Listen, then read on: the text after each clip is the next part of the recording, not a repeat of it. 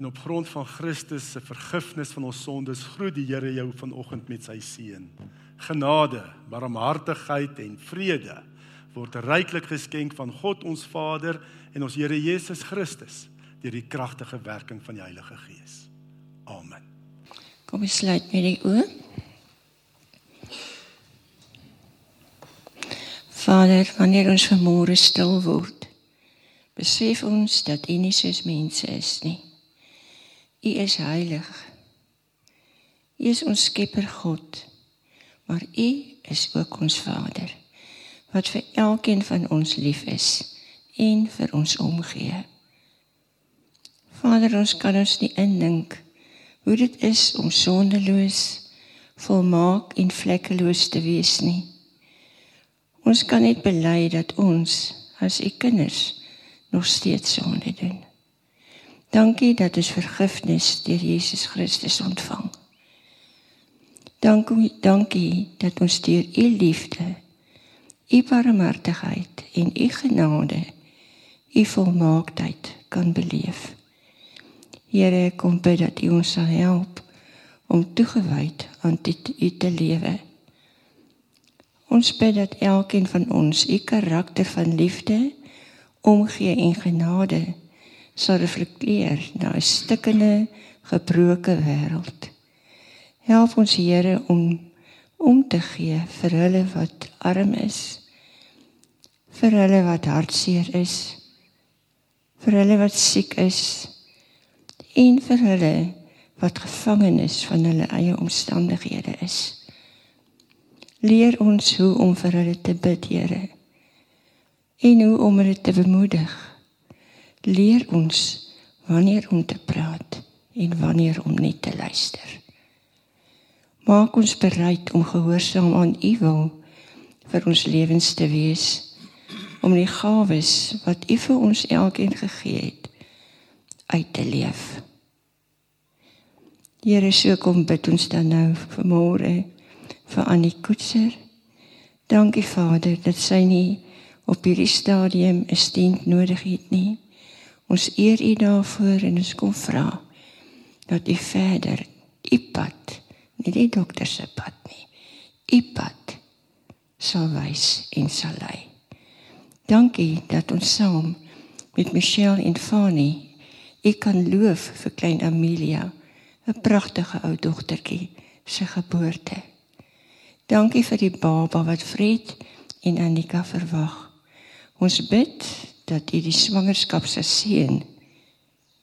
Dankie ook vir elke leerling wat presteer het en wat nog steeds presteer en wat dan ook toekennings ontvang het. Here, ons kom bid vir 'n geseënde jaar vir elkeen wat gedurende die week verjaar. Dankie vir nog 'n jaar wat U tot hulle lewens toegevoeg het. Vader, so kan ons baie bid en kan ons vir so baie dinge dankie sê.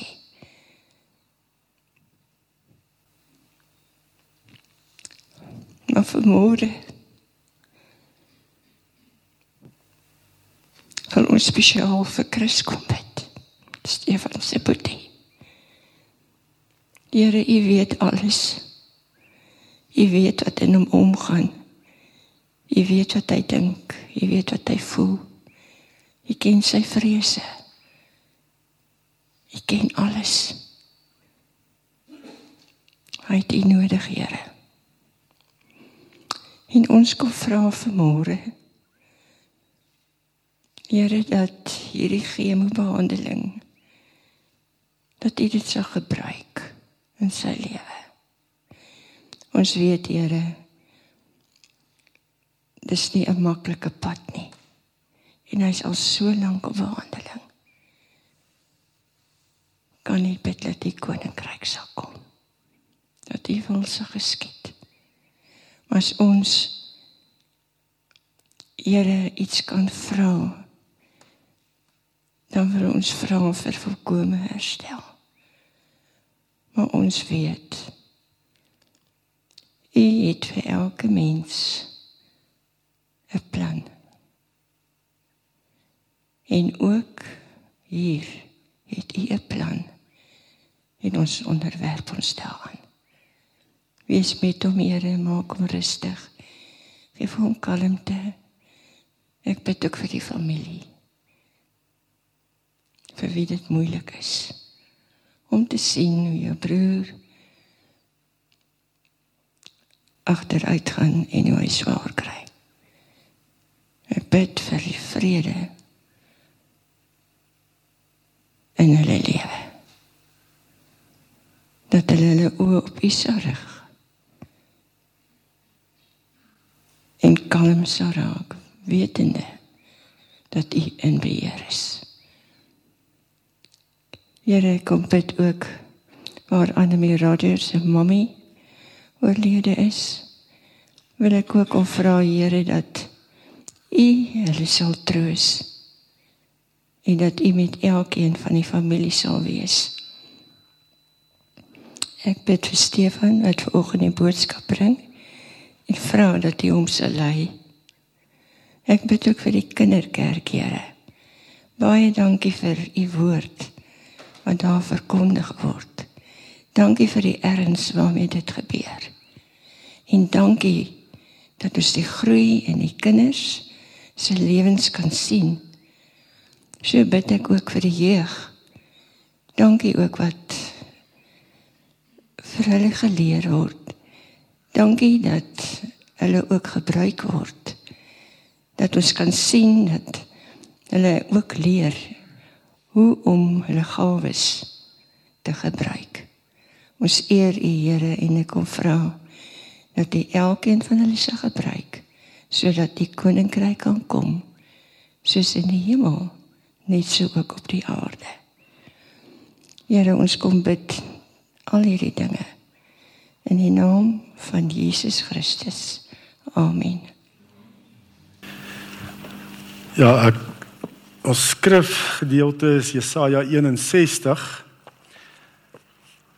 wat natuurlik ook die teks is, die skrifgedeelte waarop ons visie vir die gemeente gegrond is. En uh, kyk spesifiek daarna met die oog op die strategiese sessie en het ook baie aan lidmate, nuwe lidmate aangesluit die afgelope tyd by Bergbron om dit net weer vas te maak vir ons almal ehm um, hoe die Here ons gelei het, waarvoor is Bergbron gemeente hier geplaas. En um, ek lees die die die fokusverse is vers 1 tot 3, maar ek gaan die hele hoofstuk lees. En dan ook gaan ek lees Lukas 4 vers 16 tot 21. Die gees van die Here my God het oor my gekom. Die Here het my gesalf om 'n blye boodskap te bring aan die mense in nood. Hy het my gestuur om die wat moedeloos is op te beer, om vir die gevangenes vrylating aan te kondig. Vryheid vir die wat opgesluit is, om aan te kondig dat die tyd gekom het waarop die Here genade betoon, die dag waarop ons God sy vyande straf, maar almal wat treur, vertroos.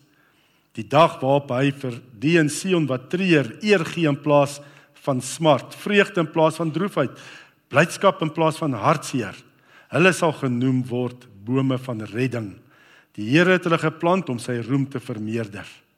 Hulle sal die eeuoue pynhope opbou, plekke herbou wat lank verlate lê. Hulle sal verwoeste stede weer opbou, plekke wat geslagte lank verlate lê. Uitlanders sal in julle diens wees en julle kleinvee oppas. Vreemdes sal in julle lande en julle wingerde werk. Julle sal genoem word priesters van die Here, dienaars van ons God. Julle sal van die rykdom van die nasies geniet. Die trotse eienaars word van besittings, van hulle besittings. In plaas van vernedering sal julle twee keer soveel besitting sê as tevore.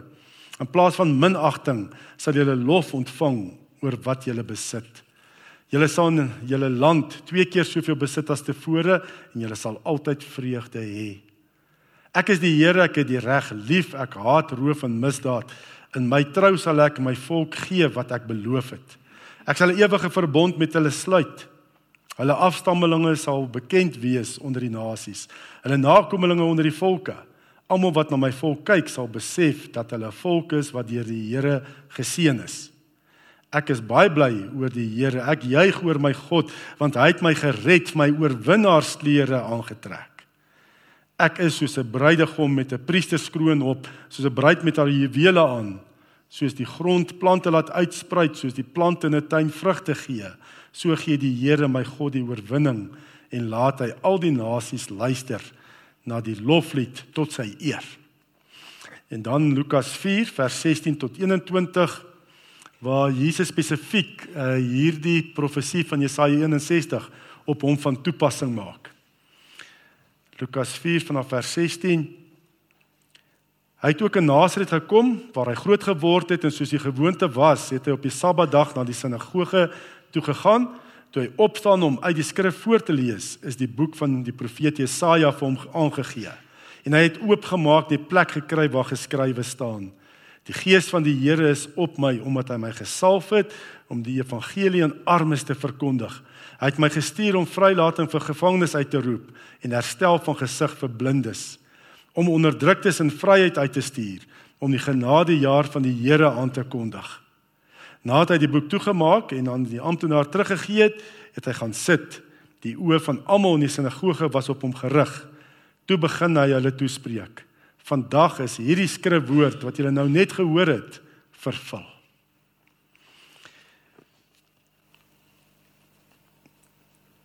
Ja, ehm um, Bergbron as ek bietjie moet praat oor ons visie, hoekom die Here ons hier geplaas het, uh, dan wil ek ook so bietjie terug, weet bietjie agtergrond gee van wat die pad wat die Here gestap het ook met die gemeente. Ek in 2002 is ek hier bevestig in die middel van die jaar en ehm um, en vir so 3 en 'n half jaar geworstel met die Here. Wat is die Here se wil en plan vir Bergbron? Wat wil die Here in en deur ons doen? Want hier's baie kerke, hier's ek dink as jy gaan in Newlands omtrent elke blok het 'n kerk. Hoekom moet hier nog 'n kerk wees? Gaan dit nie amper vir mense 'n uh, groter bydrae maak vir die gemeenskap as hier 'n petrolstasie dan hoef nie so ver te ry nie. Waarvoor het die Here ons hier geplaas? En hier by 2005 het die Here al hoe meer en meer my gelei en uh, ook die leierskap daai tyd in die gebedsgroep. Ons het nie baie gewees nie, Maritjie saam gebid en Elsə Marie so 'n paar saam gebid en en uh, ook die leierskap en gelei dat ons meer op die mense moet fokus en minder op 'n struktuur van 'n kerk, want mense is vir die Here belangrik. Om genesing en bevryding te bring vir mense in Jesaja 61 spesifiek het die Heilige Gees na toe gelei om daarop te fokus hierdie Jesaja 61. Ehm um, en uh, ons het 'n baie unieke dink ek 'n baie unieke visie vir 'n gereformeerde kerk, gereformeerde gemeente. Omgee gemeente gesalf vir genesing en bevryding. Ehm um, om Pinksterdienste te hou is nie eers eintlik deel van 'n gereformeerde kerk se kultuur nie. Maar ek kan vir julle sê dat selfs ander kerke my nader om Pinksterreeks te hou by hulle. En dis vanweë hierdie salwing met die Heilige Gees, dit wat die Here ons gelei het. Ek sien dit hoe hierdie visie die Here het ook laat gebeur. Hoe dit realiteit geword het ook oor die jare. Maar ek dink dit kan meer. Dit kan groter. Meer mense betrokke want die oes is groot en die arbeiders is min. As ons kyk na Jesaja 61, wil ek net eers bietjie die agtergrond gee vir hierdie uh, skrifgedeelte dat mense dit nie uit konteks uithaal nie. Ehm um, hierdie eh, profesie is spesifiek gegee aan die terugkerende ballinge. Ehm uh, net die die Jode wat in ballingskap na Babel toe weggevoer is in 539 voor Christus het Kores van Persië Babel oorwin en uh, Babel ingeneem net die stad Babel ingeneem. In 538 het hierdie koning van Persië, Kores, 'n edik, 'n bevel uitgevaardig en sê hoor hierso maar die Jode moet teruggaan. Hulle moet die tempel gaan herbou. Hulle moet die stad herstel. Dis absolute bonatuurlike ingryping van die Here. Die Here gebruik ongelowiges ook. Heidense konings kan hy ook gebruik. En hy gee selfs vir die Jode wat terugkeer, gee hy selfs die tempelgereedskap, net daai goue voorwerpe wat Babel, wat die Babiloniërs gebyt het uit die uit die tempel. Gee hy terug aan hulle en sê gaan terug, julle moet daai tempel weer bou, God moet aanbid word daar. Dit is absoluut bonatuurlik, net omdat dit is nie natuurlik nie. En in 537 voor Christus kom 'n klein groepie uh Jode terug in Jerusalem, nê, nee, om weer die stad en ook die tempel te herbou. En hulle was baie opgewonde, bly. Maar toe hulle daar kom in Jerusalem, toe is dit nie maklike omstandighede nie. Nee, dit is alles is platgeslaan, so alles moet weer opgebou word. Daar was armoede gewees, verwoesting. En dan het ook nog vyandige volkere nê, nee, het hulle gaan vestig op die pynhope van Jerusalem. Nee, hulle het hulle het, hulle het grond beset, soos ons vandag ken. Jy weet as eers iemand grond beset het, jy kry hom nie sommer af nie. En so het vyandige volkere daar in Jerusalem grond beset. Nou moet hulle kom, hulle is bly, hulle is verlos, nê, nee, bonatuurlik ding het gebeur. Maar dis so groot uitdaging. Hoe gaan ons weer hierdie stad opbou, herbou? Hoe gaan ons die tempel weer herbou? En jy kan ook Esra en Nehemia gaan lees net. Jy sien ook die teenkanting wat hulle gekry het. En hierdie profesie, hierdie profetiese woord spesifiek aan hierdie terugkerende ballinge gerig om hulle te bemoedig en te versterk. En dis my baie keer ook die beeld van die kerk vandag. Nê? Nee? Dat ek dink nie in Suid-Afrika is evangelisasie so noodsaaklik nie. Natuurlik, dit moet. Ek dink die meeste mense in Suid-Afrika het al gehoor van Jesus Christus. Iewerster op televisie of op skool in 'n saalopening of so. Mense het al gehoor van Jesus Christus in Suid-Afrika. Dalk word nou al hoe minder, nê, nee, want die goed word uit die skole, uit die uh, staatsinstellings uitgehaal, maar ek dink nog steeds die meeste mense het al gehoor van Jesus. Maar wat is die probleem? Dat kerkmense ook maar net so moedeloos is, net so negatief is as die wêreldse mense. Dat ons nie die oorwinning het in Christus nie. Ons is bly, ons is verlos, nê? As ek eendag my laaste asem uitblaas, gaan ek hemel toe. Maar hier kant van die graf leef ek maar net soos my ongelowige kollega. Ek moan ook net so oor wat met politiek aangaan en daar's nie hoop nie en ek wil kyk as daar 'n gap is wil ek of Kaap toe of oorsee gaan. Want toe ook. Nee. Ehm um, ons is dieselfde. Hulle sê egskeidingssyfers in die kerk is dieselfde as in die wêreld. Daar's absolute verwêreldliking in die kerk. 'n Mense leef ook, ek is verlos, die verskil tussen my en Piet wat nie glo nie is Ons is dieselfde hierdie kant van die graf, maar as ek doodgaan, gaan ek hemel toe, hy gaan hel toe en hy glo in Jesus. Dis baie meer. Ons het die ewige lewe.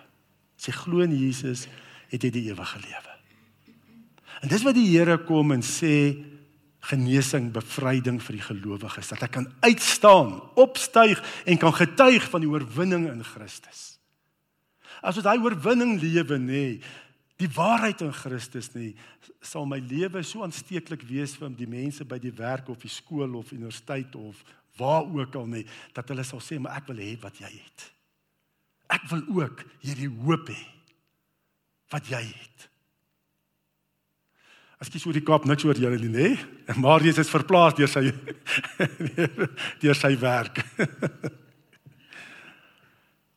Genesing en bevryding is noodsaaklik is oortuig daarvan van gelowiges.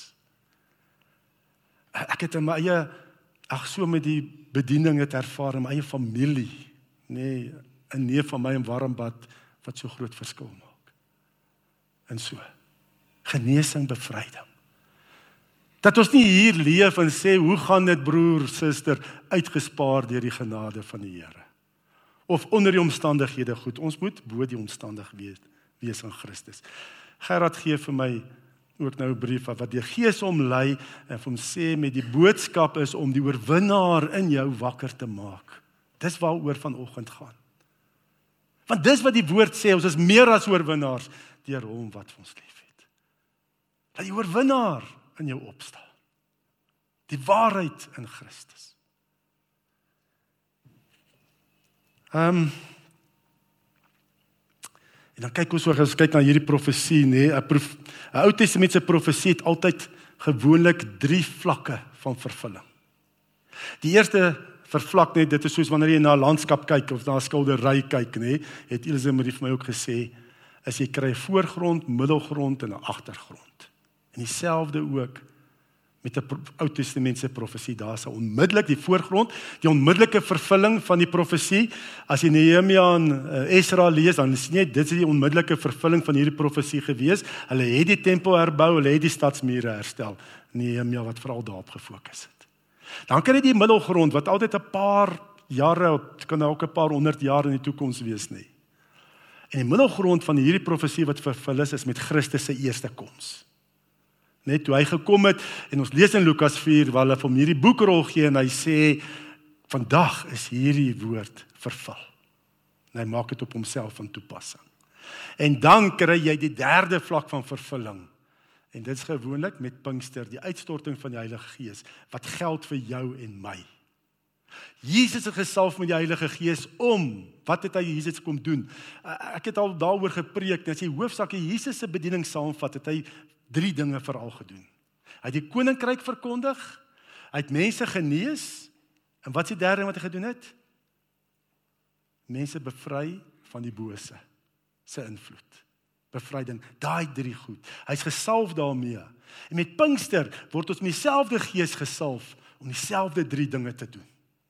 En ek wil vir julle sê, dis nie vir die dominee of die ouderling of die haken of iemand 'n bedieningsleier of iemand, dis vir elke kind van die Here.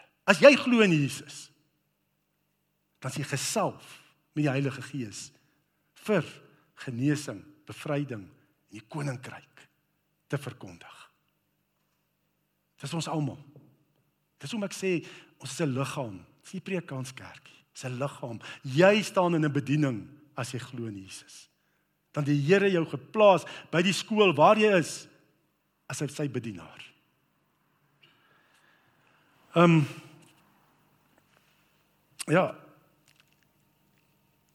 In Jesaja 61 vers 1 waarop ek nou wil fokus. Dan sien ons ons is gesalf met die Heilige Gees. Dan ook om 'n blye boodskap te bring aan die mense in nood.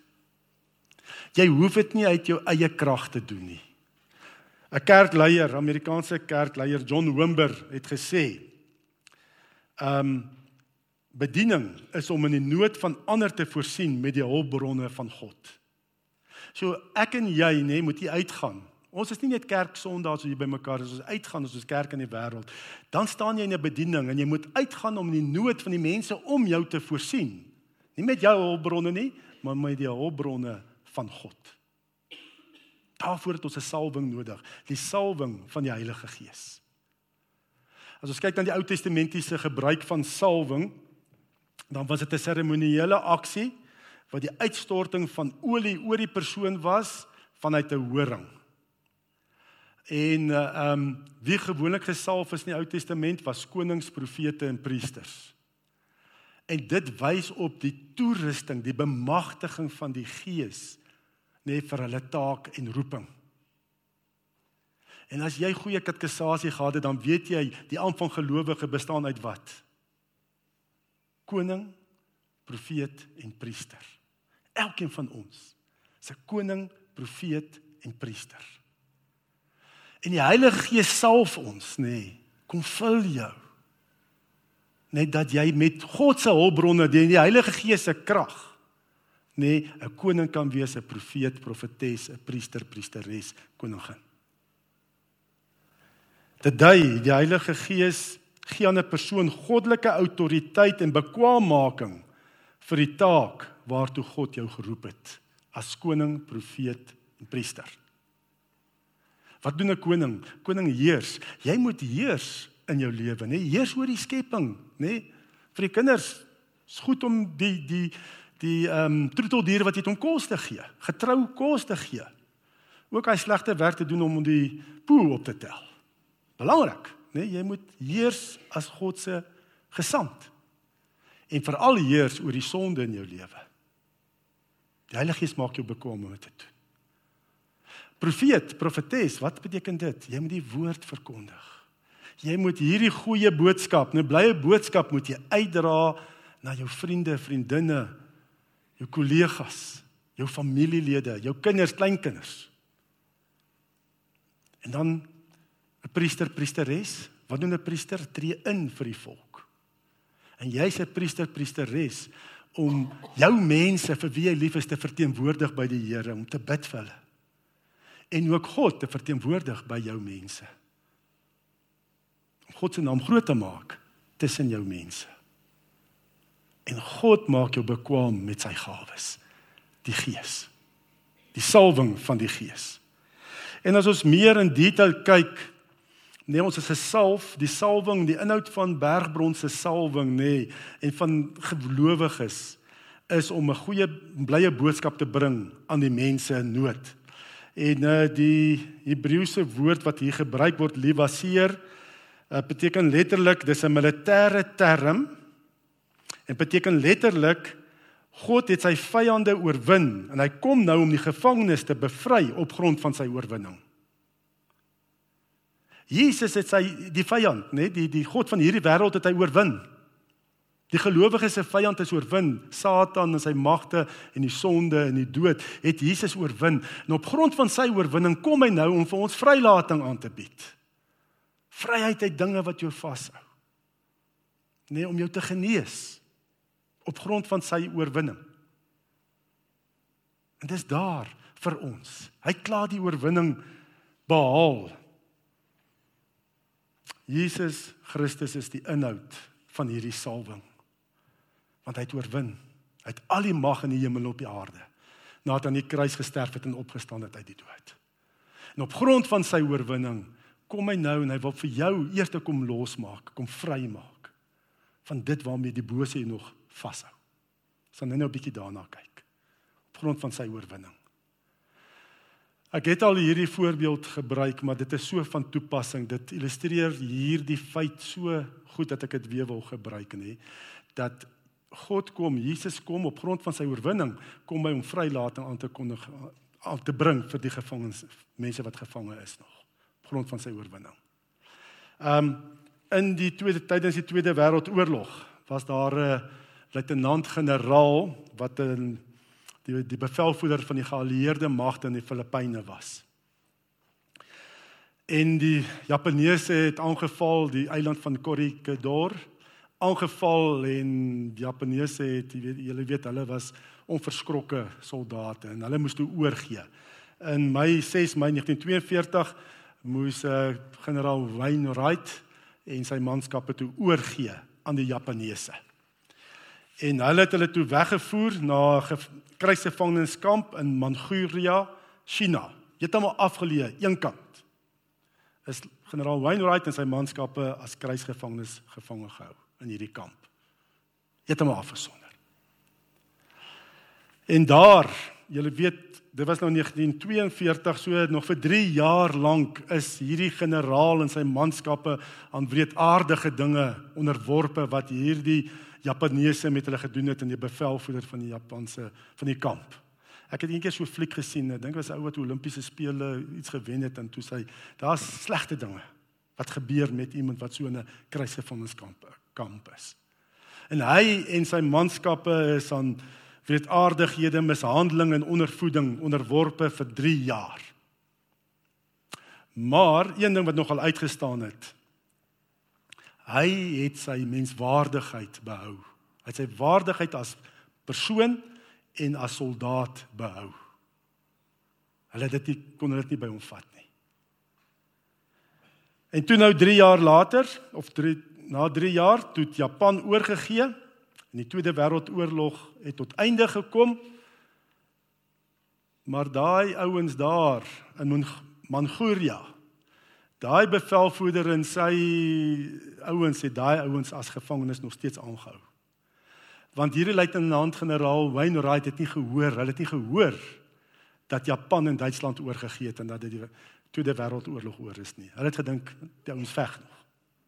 En hulle is daar as gevangenes aangehou alhoewel hulle gewen het. Dit het hulle nog vir maande as gevangenes gevange gehou.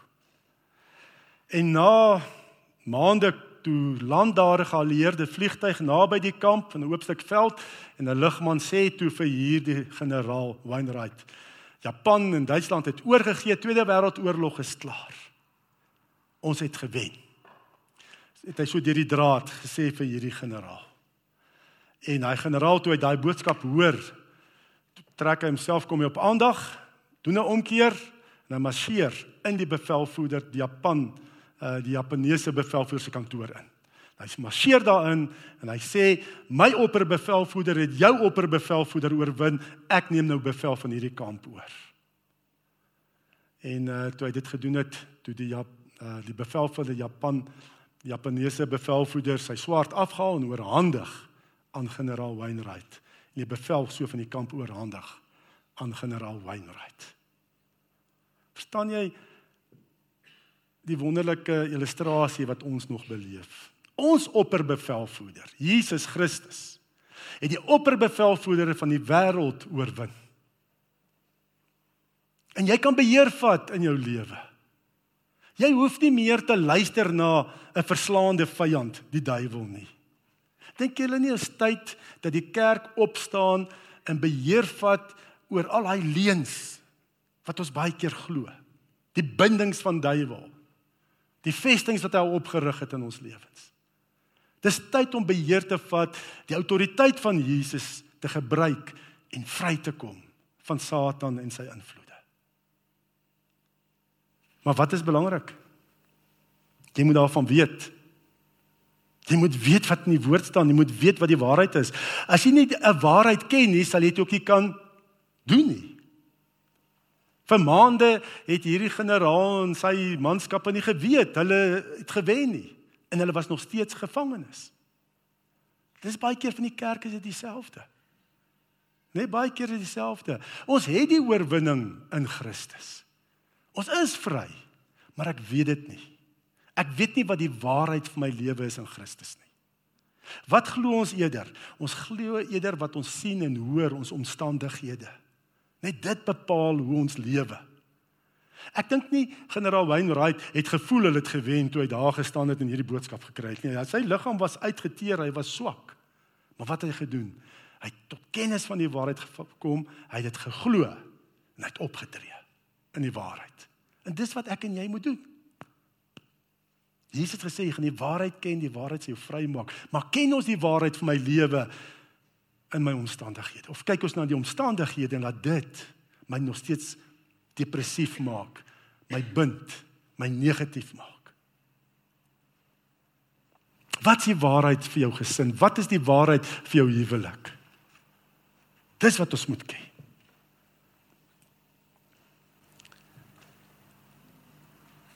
En dan nog 'n ander leen wat ons baie keer glo. En dit is dat ons autoriteit en ons ons autoriteit wat ons het oor die bose in die wêreld nê, ons glo baie keer dis eers 'n toekomstige posisie. Dis nie vir vandag nie. Ja, eendag as ek sterf, nê, dan kom ek in oorwinning eers. Dis 'n toekomstig. Dis wat die duiwel probeer sê. Kyk na jou omstandighede man. Dink jy jy's 'n oorwinnaar? Nee. Dit oorwinnaar lyk mos nie, dit lyk nie so om jy jy's nog 'n gevangenes, kyk hierso, jy's nog drade en sulke goed. Ons dink dit is 'n toekomstige posisie. Die ewige lewe het ons nou as jy in Christus glo. Dis nie 'n toekomstige posisie nie. Dis tyd dat ons beheer vat in Jesus se naam en nie meer beheer word deur 'n verslaande vyand nie. Vrykom van die duiwelse bindings en gewoonte sondes in my lewe leuns en vestings. Vrykom daarvan. Ons het die Gees. Dieselfde Gees wat Christus uit die dood opgewek het. Hy is nie werk in jou en my as ek glo in Christus. Maar wat is die waarheid van die Gees? Weet jy wat die Gees in jou lewe kan doen? Daar word in die Bybel gesê ons onder jy kan die Gees teëstaan, jy kan hom onderdruk, jy kan hom jy kan hom hartseer maak. En ons doen dit baie keer nê, nee, want weet wat hy ek Nee, dit wat nou hier sê, ek het nie so groot geword nie. Nie groot geword die gees kan dit doen of dat doen nie. En dan staan jy om te, jy onderdruk hom en jy kom nie in daai oorwinning nie. Jy kom nie vry nie.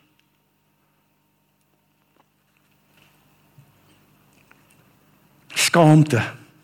Baie keer aflooptyd ook baie oor skaamte gepraat. Ek kan maar net dink die generaal se manskappe hoeveel skaamte en vernedering hulle ervaar het nee wat daai Japaneese alles met hulle aangevang het in daai 3 jaar om hulle te verneder, af te kraak, skaamte op hulle te plaas.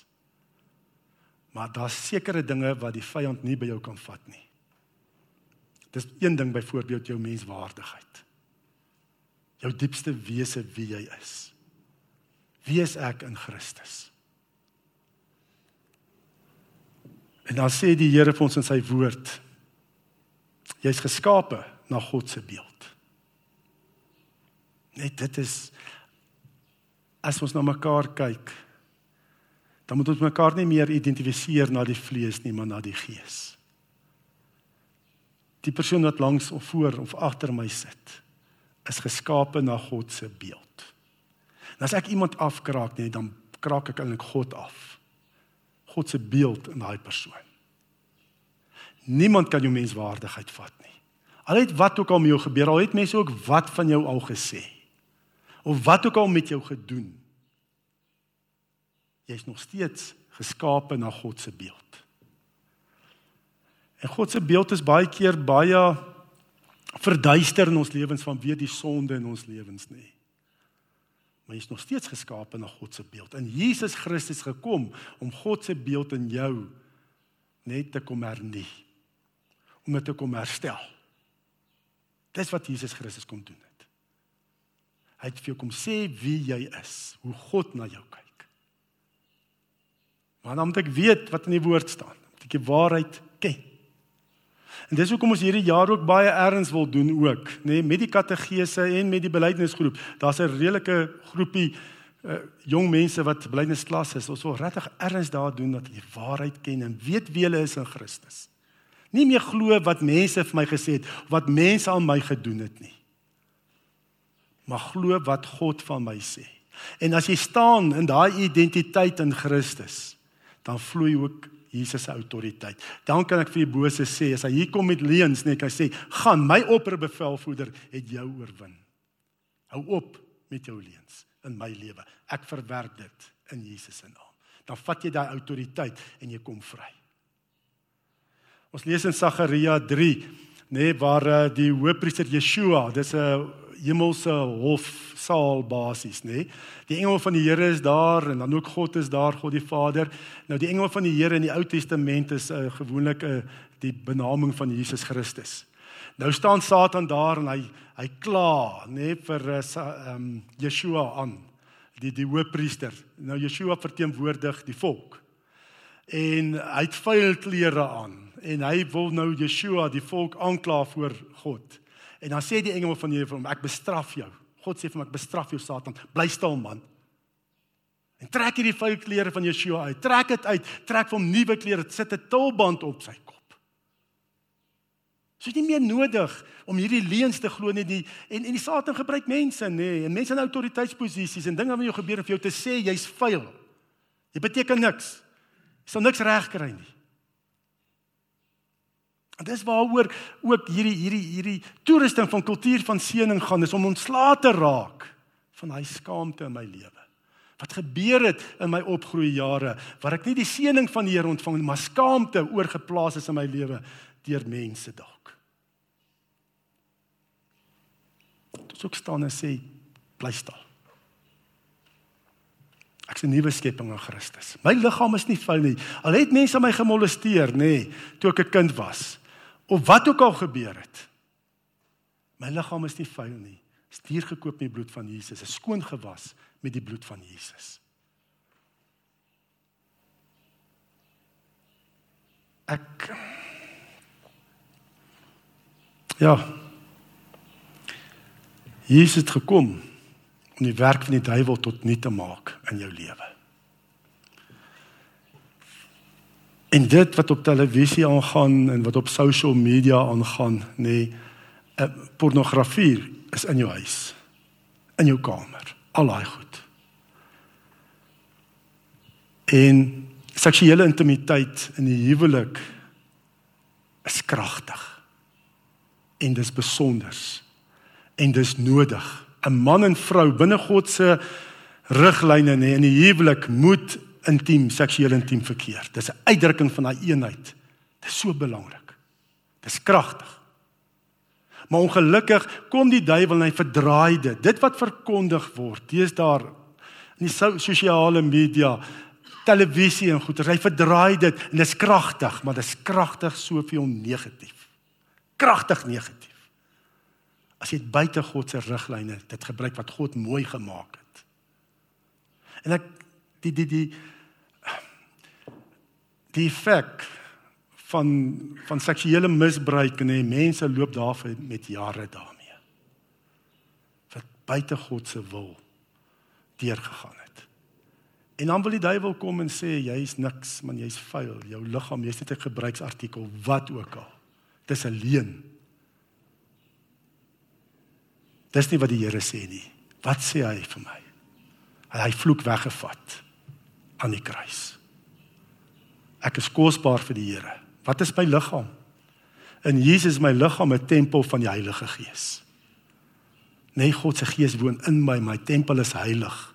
En as ek daai waarheid ken en daai versoeking kom weer om hier pornografie of na dinge te kyk wat jy nie moet kyk nie. Nee, en maar jy weet maar die God, dis 'n tempel van die Gees. Hoe kan ek daarna kyk? Hoe kan ek dit deur my oë hierdie bose goed in die tempel laat inkom? Dan werk die Heilige Gees in jou te sê nee. Neem elke gedagte gevange, maak dit onderhoor aan Christus, verwerp dit. En jy kom in oorwinning.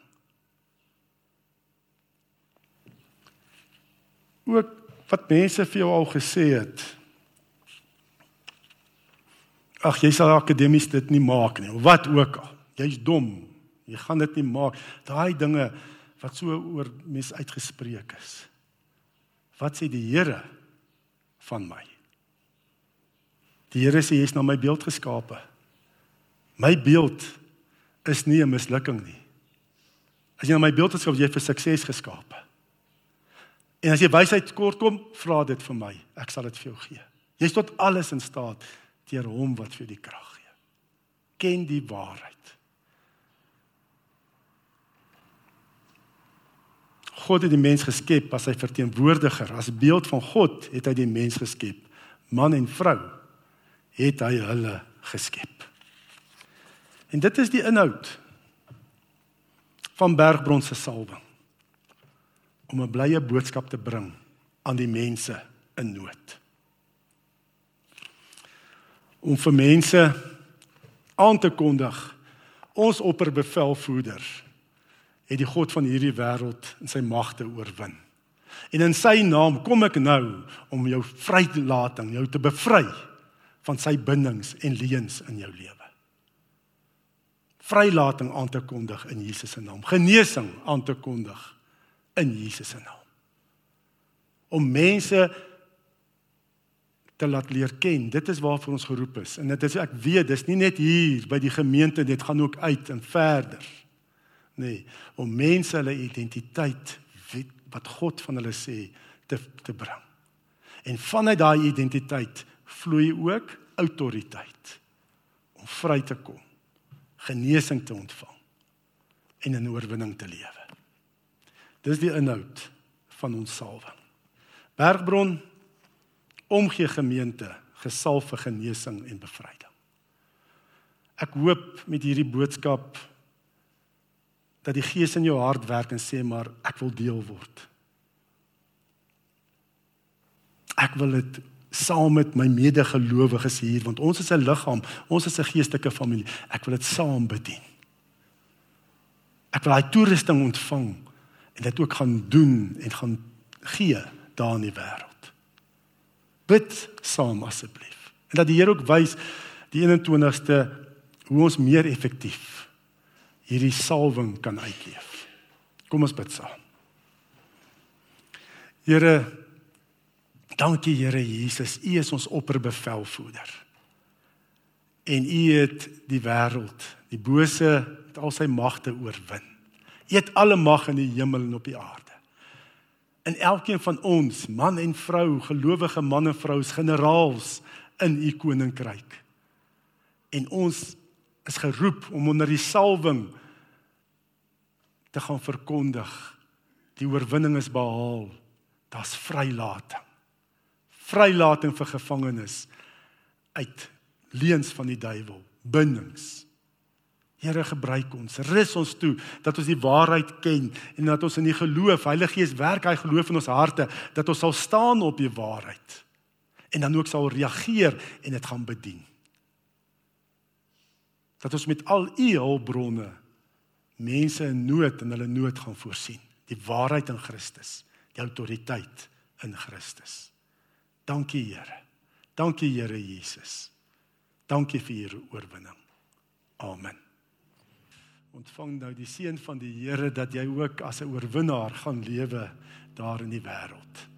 Die genade van ons Here Jesus Christus en die liefde van God die Vader en die gemeenskap van die Heilige Gees sal by ons elkeen wees en bly. Amen.